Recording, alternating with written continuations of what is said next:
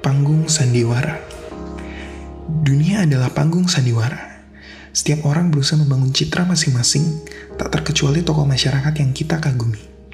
Sepositif-positifnya mereka, mereka tetaplah seperti teman yang bisa berbuat hal negatif, marah, ataupun mengecewakan orang lain. Perbedaannya, mereka coba membangun citra positif dengan cara membentengi hal-hal negatif tersebut dari mata publik.